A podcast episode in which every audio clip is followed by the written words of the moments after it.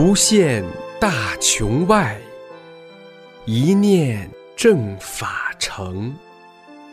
师尊慈悲愿，万物沐春风。请听明慧专题《一师恩》。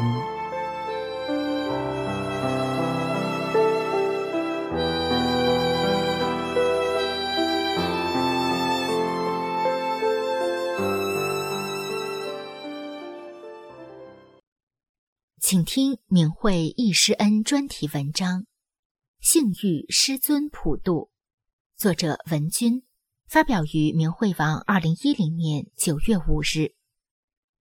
一九九二年，我有幸和师傅见面，并参加了师傅在山东省冠县举办的第一期法轮大法学习班。师傅亲自为学员题写，并颁发了结业证书。那年我三十二岁，不知道什么是修炼，但就是愿意听师傅讲课。师傅讲的话句句都说到我的心坎上，那是从来都没有人讲过的，在书本上找不到的真理。师傅用浅显易懂的语言讲出来，荡涤着每个人的心底。我知道，这就是我要等的、想要的。哦。佛来了，活佛在世，我有幸遇到了。我是在师傅讲课的第三天才去参加学习班的，听了一天，到第二天的中午午休时，我就去了母亲那儿，告诉他们法轮功师傅来了，是在世活佛，赶快去参加学习班。姐姐看我天真，笑着说：“我，你快去练吧。”等你练成了，俺再去练。我着急地说：“那就晚了，过了这个村儿可没这个店儿。”母亲笑着说：“看着二妮大惊小怪的。”父亲和弟弟也笑着附和着。我看说不动他们，就又跑到姨家，告诉他们参加法轮功师傅办的学习班能治病，谁谁有病四年没上班了。跟了师傅三天，能骑自行车满街转了。乙不客气地说：“谁谁我认识，他那是精神病。”我很愕然，心想：人的病好了，这是事实，怎么硬是不信呢？心里很是无奈。待到晚上继续去听师傅讲课时，讲课前，师傅在讲台上微笑着对我说。对不相信的人，你不要和他去说，他会说成是精神病。原来我所做的一切，师傅都知道。哎，学习班结束时，我们的结业证是师傅亲自颁发的。当时最让我费解的一件事情是，我的结业证书是两张，师傅为我发了两次。师傅讲，有的人你虽然也参加了学习班。但是你的缘分还未到，你还不知道什么是修炼。师傅看我还不悟，就又说：“你想一想，你的结业证和别人的不一样。”九六年，我和同修一起学法交流时谈起此事，同修说：“是你的缘分未到，师傅是点化你，还得再参加一次学习班。”是的，虽然参加了学习班。却不明白什么是修炼。九三年，师傅在临清举办法轮大法学习班，来看冠县学员。在冠县酒厂会议室，我又幸会了师尊。那一次是母亲第一次见师傅，记得师傅给大家讲过话，学员都把预备好的佛像及观音菩萨像拿出来让师傅给开光。母亲没预备，也想要。我赶忙去商店给买了一个，回来时正赶上师傅往外走，便硬着头皮接住师傅，也学着别人让师傅给开光。当时陪同师傅的工作人员阻止我说：“师傅还有很紧急的事情需要赶紧走。”师傅制止了这个学员，很认真地给我买来的佛像开了光，才匆匆上路。也就是那天。母亲多年很严重的心脏病不翼而飞。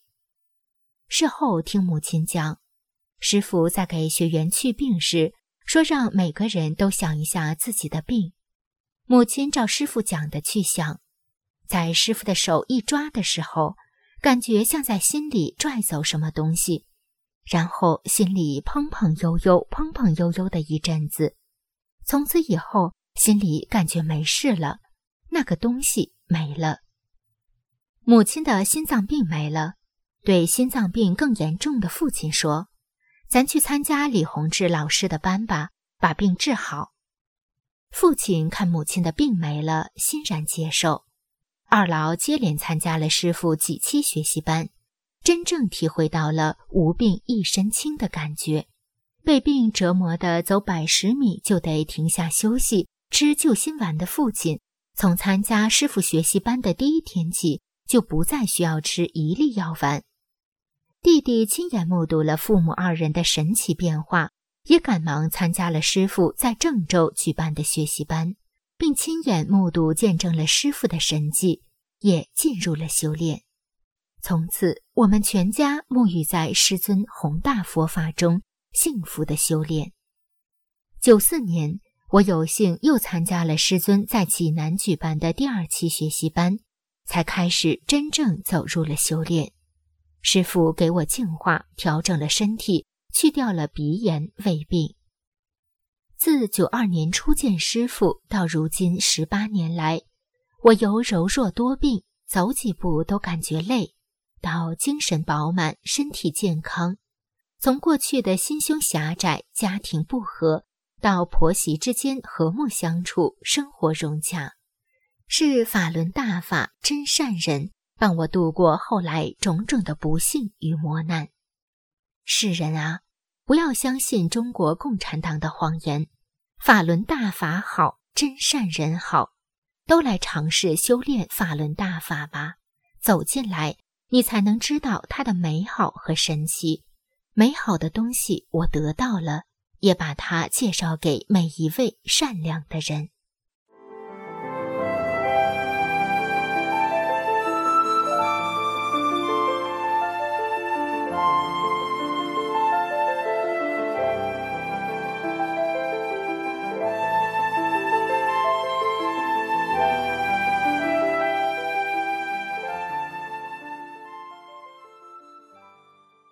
请听明慧易师恩专题文章，题目是《永恒的记忆》，作者北京大法弟子李善。文章发表于明慧网，二零一二年六月二十日。我是一九九三年得法的，在这十九年的修炼过程中，经历了最初得法的个人修炼阶段和九九年七二零后反迫害、正实法、护法、讲真相。以及救度众生的阶段，在这两个不同的阶段当中，每个大法弟子都有不同的神奇的修炼故事。现在我把自己多次参加师傅的学法班，见到师傅的情景写出来，与同修分享。我第一次见到师傅是在北京十三期学习班上，那天学员们很早就在门口等着师傅。当听到有人喊了一声“师傅来了”。大家都齐声欢呼：“师傅来了，师傅好！”只见师傅笑眯眯的挥着手向大家走来，与学员们共同进入礼堂。大家坐下后，师傅就开始讲课了。我坐在第一排，还有坐在地上的，我们都认真的听着师傅讲法。我越听越觉得这声音耳熟，好像在哪儿听见过。这时，忽然听到啪啪的下雨声。好奇怪，大礼堂内怎么下雨呀？大家有点坐不住了，有的在移动，有的在左躲右闪。师傅说了声“不要动”，就伸出手来，在空中向上抓了一下子，雨就停了。大家都惊奇地望着师傅。只听师傅接着说：“大家静下来，开始讲课。”大家都静静地听着，而我好像进入了另外空间。那是一个红砖绿瓦的大庙堂，院子很大，地面上铺着红地毯，院中还有一匹高大雄壮的白马，漂亮极了。我从这儿到那儿的参观着，忽然想起我听课呢，不看了，这时，师傅的声音真的回来了，我又接着听师傅讲课了。第二次见到师傅是在东方健康博览会上，那天我看到师傅站在一群人中间，笑眯眯的说着什么。我走过去，师傅笑着对我说：“你来啦。”我说：“有个问题想问一问，可是到您面前又想不起来了。”师傅指着我说：“那就是不叫你问。天津办班你有票吗？”我说：“没有。”师傅让我到老刘那去买，可是老刘也没有了。师傅就让老刘再去买二百张。我买到票后，来到师傅面前，高兴地说：“我买到了。”在博览会的第二天。师傅在做代工报告时，叫大家把手伸出来，手心向上，会感觉有法轮在转动。这时真的感觉有东西在手心里转动。师傅问：“有吗？”大家说：“有。”真神奇。会议结束的那天，我实在不想离开师傅，就想等师傅的车开走后我再走。有弟子把车开过来了，师傅向车子走过去。刚要上车，回头一看，我还在那儿站着，就大步流星地走过来与我握手，并说：“回去吧，天津见。”我激动的什么话都说不出来，愣愣地望着师傅离去。至今想起来，我还激动不已，泪水直流。这情景终生难忘。第三次见到师傅，那就是在天津学习班上，和在北京一样。那天，大家很早就赶到学习班所在的剧院门口等着师傅。不一会儿，一辆面包车开了过来，师傅从车上下来，笑呵呵地说：“你们早来了。”大家都说：“师傅好。”随后就跟师傅一起进了剧院。师傅叫大家坐好，就开始讲课了。当师傅说：“今天就讲这么多时，总觉得怎么这么一会儿就完了，真想让师傅再多讲一会儿。”当师傅讲完神通加持法的时候，从台上下来给大家纠正动作。师傅走到我跟前说：“要垂肩、坠肘、端平。”我真的非常激动，这句话牢牢地记在我心上。现在一练到这个动作时，就想起师傅讲的这句话。过去在练功点上也跟同修讲过这件事，他们都说：“你真幸福。”我非常幸运的多次参加了师傅的讲法班，那些情景其他同修都写过了，我就不写了。喜悦的心情无以言表，只用一句话：感谢师尊。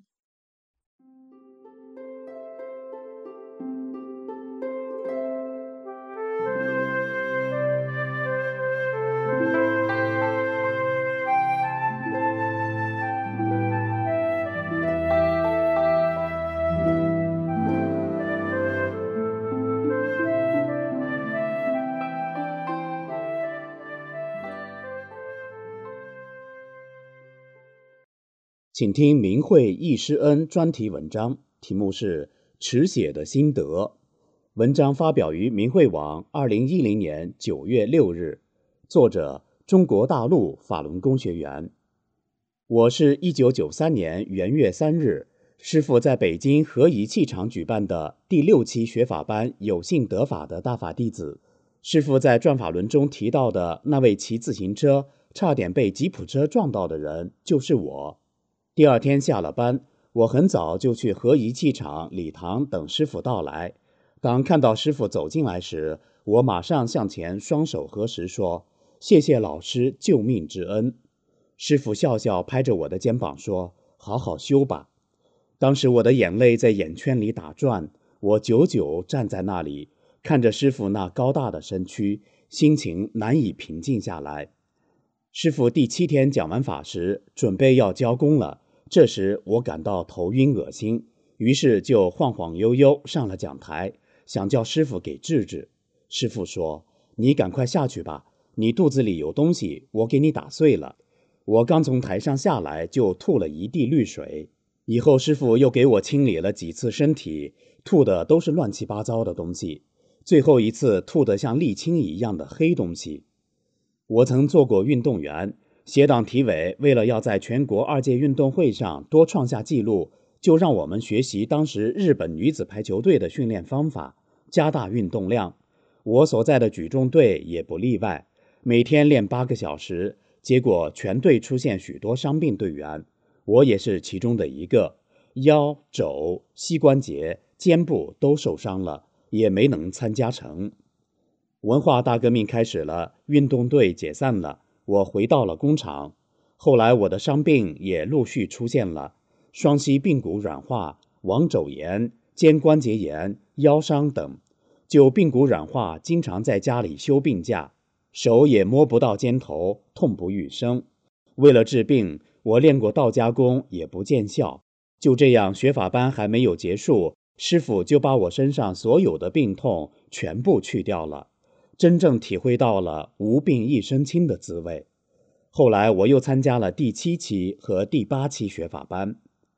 为了感恩师尊和大法，就要在工作中体现出大法弟子的风貌来，要圆融同事之间的关系。工作上脏活累活抢着干，别人不愿意加班，我来加班，把方便让给别人，每月都超额完成任务，在利益上也不和别人去争。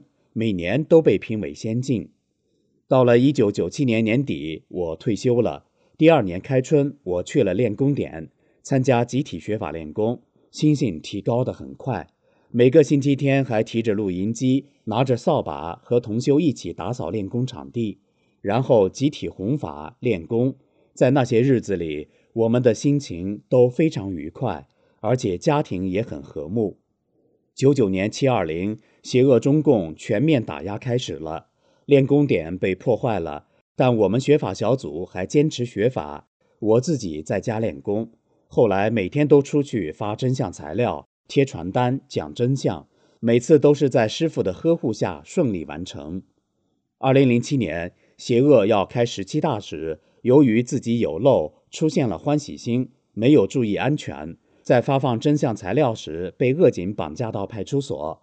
后又被送到看守所，到看守所，我不配合邪恶，不报姓名、住址、年龄，不配合检查身体，不穿号服，不被监规，向同监室的犯人讲真相，劝三退，劝退了十几个人，有的用真名三退，还有两个表示出去后一定练法轮功。恶警找来吸毒的人看管我，不叫睡觉，不让上厕所，还要给我洗凉水澡，我都没有动心。为了给我照相，他们动用了四个犯人抬我。当时我发一念，让他们抬不动我，求师傅加持。四个人真没动了我。后来又来了两个人，也没动了我。恶警急眼了，又找来了两个人把我架起来。我一用劲，他们脱手了，把我从半空中摔下来，摔在地上一点不觉得痛。尤其是坐板、水泥地贴塑料贴面。北京十月中旬，天已经凉了，又加上来了冷空气，犯人坐板都用蹲姿代替，我却单裤单褂不觉得凉，手脚还是热的。我想师傅呀，那真是想呀。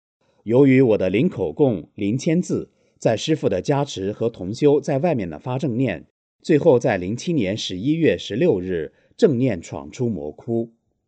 师傅为我做了那么多。又替我承受了那么多的痛苦，真是无言表达师尊的宏大慈悲。明慧网几次征稿，协调人也叫我投稿，自己认为文化水平不高，又不会写。我想只要能坚信师傅，坚信大法，做好三件事就行了。后来在征稿的文章里看到转法轮中提到的两个同修的文章后，对我的触动很大。一个是转法轮中说的。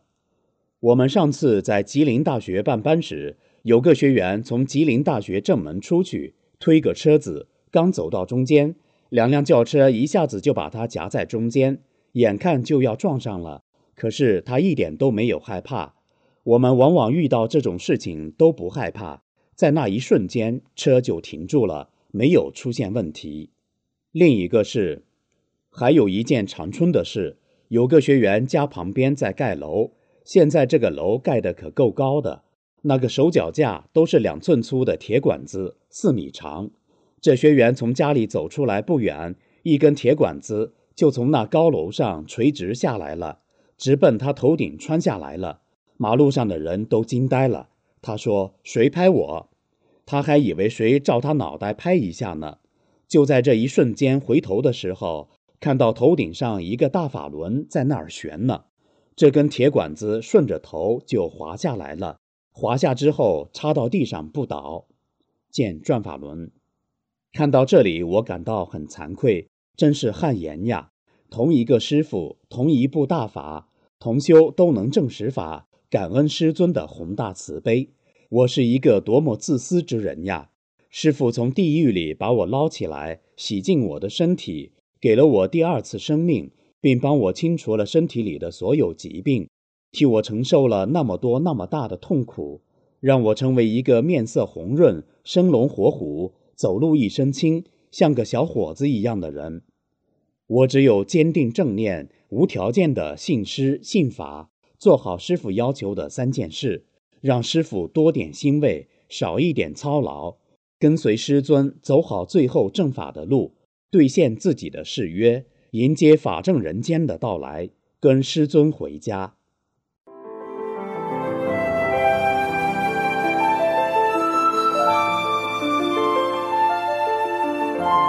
您现在收听的是明慧专题《忆师恩》。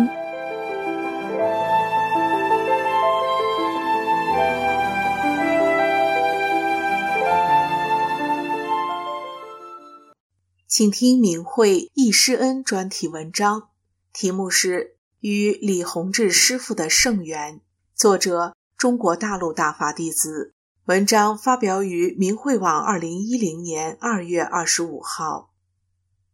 我是一九九三年开始修炼法轮大法的，在一九九四年六月十号至十八号，有缘参加了李洪志师傅在郑州举办的传法传功学习班。见到了师傅，亲耳聆听到了法轮大法，并在法轮大法传授班见证了许多大法的神奇和许多同修感人的修炼故事。下面和同修讲几件我在郑州法轮功传授班亲身经历的事情，借此来表达对李洪志师傅的思念。在郑州传法传功学习班，师傅降魔的故事。许多同修在个人不同的层次、不同的角度都讲了不少，我也讲一讲吧。那天下午阳光灿烂，毕竟是六月的天，太阳很大，天空一丝云、一丝风也没有，大家都静静地坐着聆听师傅讲法，整个场是那样的纯正、祥和、慈悲。突然。两只小鸟从窗户飞进来，叽叽喳喳的叫声有点特别突出，使几个同修分了心，抬头去看。师傅看到这儿就停了下来，和大家讲了一个故事。一天晚上，释迦摩尼正在和弟子讲法，突然一阵风把灯吹灭了，一片漆黑。可大家仍然静静的在听，谁也没有动。像没有事一样，同修都意识到了自己的不适，收回了心，接着聆听师傅讲法。也不知道什么时候，小鸟飞走了。大约十几分钟后，突然乌云密布，狂风大作，冰雹伴着倾盆大雨直奔而来，电停了，一片漆黑，如同黑夜。师傅暂时停下了讲法，大家静静地坐着。整个场仍然是那样纯正、祥和、慈悲，谁也没有感到意外。再后来，师傅打大手印降魔的具体过程，许多同修都讲了，我这里就不具体讲了。在传授班上，这样的事很多，只要你做个有心人，用心去悟、去品味，有许多细节都是特别有意思的。师傅降魔后，接着讲法。讲着讲着，突然停了下来，说：“今天没有时间了，还有一个问题没有讲完，得留到明天再讲。”下面大家开始练功。我当时就在心里打了个顿：师傅为什么说今天没有时间了呢？大约半个小时后，大家练完功，开始陆续退场。当快要退完场的时候，电突然又停了。我一下子又想起了师傅说今天没有时间了，可能是因为要停电吧。当然，今天讲到这儿，我知道就是这简单的、看似随意的一句话的背后，还有许多因缘内涵，是我现在还不能完全清楚明白的。下面再讲一件敬师敬法的事。开始两天在废旧的体育馆学法，条件不好。大家自己带东西垫在地上坐着听法。第二天，我正在找位置坐，突然看到一位同修，可能是新学员，可能因为没有带垫着坐的东西，就把私下的写有“欢迎师傅来郑州讲法”的横幅捡来做。他坐着的正是师傅名字中的一个“智”字。看到这，我心里特别的难受心酸。整个人像泡在眼泪里一样定在那，思想一片空白，唯一的念头就是想用自己带来的报纸和同修换。我走了过去，还没有说话，同修站了起来，走开了。我忙捡起质子，恭敬地叠好，藏在包里。学完法后，我又找到了师傅名字中的另一个字，还有一个字没有找到。不知流落哪里了。这种泡在眼泪里的感觉非常强烈特别，我遇到过两次，还有一次是这之后不久，看到一个钥匙扣上的“普渡慈航”四个字时，当时唯一的念头是跟随师傅救度众生。这件事过去这么多年了，我一直没有和人讲过，今天拿出来讲。是因为随着修炼提高，我越来越强烈的意识到，这么多年能够一路风风雨雨的很顺利的走过来，是和这净师净法分不开的。最后还讲一件让我一直遗憾的事，在传授班上，师傅要求在传授班结束时，每个学员交一份学法心得体会，我当时没有交。今天随着学法的深入，我越来越认识到大法的内涵，知道师傅叫我们做的每一件事情都意义非凡，因而更加为错失这样一个向师傅教心得体会的机缘，没能按师傅的话去做而感到遗憾。今天把这也算成一篇迟到的心得体会，希望师傅能原谅弟子。最后。更希望所有的同修在最后的注师正法的日子里，信师信法，按师傅的要求圆满的做好三件事。如果错失了这次圣缘，那将不是遗憾，而是生命久久的悔恨。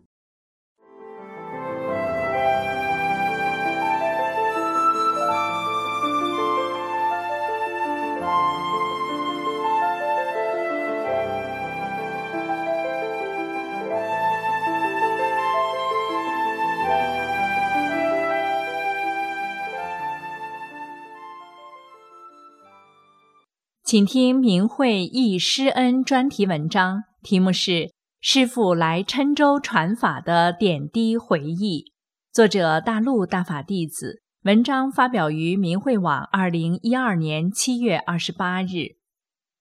一九九四年七月十五日至十八日，慈悲伟大的师傅在湖南郴州传法，这是开天辟地仅一次。这是欢天喜地的盛大吉日，师傅来郴州四天，加班加点讲完了九天班的所有课程，同时满足了学员提出的各种要求，比如开座谈会、照相、会餐、上苏仙岭等。座谈会后，大家要求和师傅合影留念，有上千人，分成了几十个小组。合影时，有些人还不停地向师傅身边靠，但师傅非常和蔼。会场没有喧哗吵闹，全场充溢着祥和慈悲，进行的有序而顺利。到吃饭时，虽然菜肴丰盛，服务员最后还特地多送上了一盘面食。师傅见到，立刻站起来向服务员表示谢意。据当时为师傅办班的负责人说，师傅来郴州四天没吃过饭，也没喝过水，每次送去的饭菜都原封不动地端了回来。师傅住过的房间总是干干净净、整整齐齐。别人拆散的茶叶，师傅也把它包得很好，放在适当的位置。连服务员都说，这么好的人从来没有看到过。七月十八日晚，师傅要离开郴州了，学员帮师傅买来了火车票。师傅连声道谢，还说太好了，坐一宿，天亮就到了。学员为师傅送行时。没有礼物，没有华美的送行语言，只有一颗敬仰师傅的心。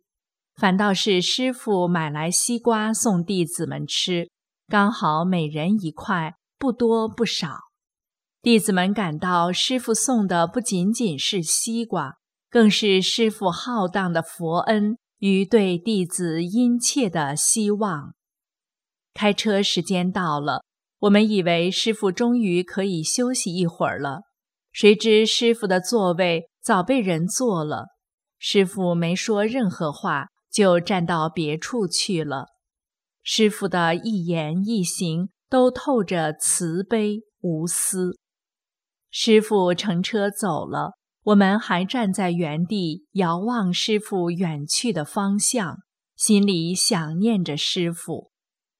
师傅在郴州只办了四天班，却讲授了九天班的内容，付出了更多的辛苦劳累，连办班学费的应得部分，师傅也分文未取。师傅跟郴州气功协会商量，要退给老学员每个人三十元，新学员每人二十元。最后费尽周折，才把一千多学员的钱。送到这些只有姓名而没有详细地址的学员手上。师傅就是这样，在一点一滴中都关心体贴着每一个弟子学员。师傅的言传身教，让我们终身受益且难忘。师傅给新学员清理附体。九三年时。郴州有三位三十多岁的女士，在学其他气功时被严重附体。其中一位女士告诉我，她身体上有多个附体，脑袋上、肩头上都有东西说话，有的让他去跳水，有的让他去跳楼，有的让去撞车，还有的让他去砸电视机。听哪个的都不行，听这个的那个折磨他。听那个的，这个折磨他，附体之间也互相干仗，她自己摆脱不了这种痛苦，生不如死的受着罪。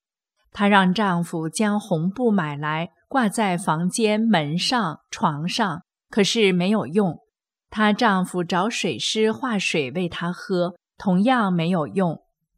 后来到杭州去找原来传她带附体功的气功师，那个气功师说。给她拿掉了五个附体，没有能力完全拿掉，让她去找北京某气功师，但是她没有去，她觉得找到那个气功师也不一定起作用。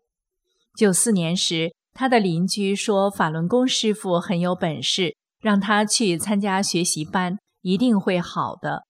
于是他马上去了郑州参加法轮功学习班，第一堂课。他坐在我旁边听课时，身体不停地扭动。当时我还是一个新学员，很害怕，于是就坐别处去了。然后我看见师傅瞅了他一眼，他身体就再也没扭动了。从学习班回来后，她丈夫说她的症状断根了，再也没有复发过了。另一位女士，她被附体折腾时。全家都跟着她遭殃。九四年时，她向一位大法弟子求助，说她要学法轮功。她的缘分很大，当时的练功点只剩一本《转法轮》，好像在等着他来请。在学法的时候，附体严重干扰他，使他头疼。但他主意识强，坚信师傅，坚信大法，凭着坚强的意志力，坚持每天学法练功，闯过了很多难关。一段时间后，师傅就把他的附体清理了。第三位女士，她有时做出来的动作很可怕。虽然他也知道要抵制自己身体上不好的东西，可是无能为力。他也是求大法弟子帮助他，表示要马上学法轮功。他很清楚，只有法轮功才能救得了他。九四年，他参加了广州学习班。上课前一天，同住的很多人都看到他。一个人坐在床上，挥动着手臂，做着奇怪的动作。在第二天听课时，师傅把他的附体清理掉了，他就正常了。从此再也没有出现以前那种不好的现象了。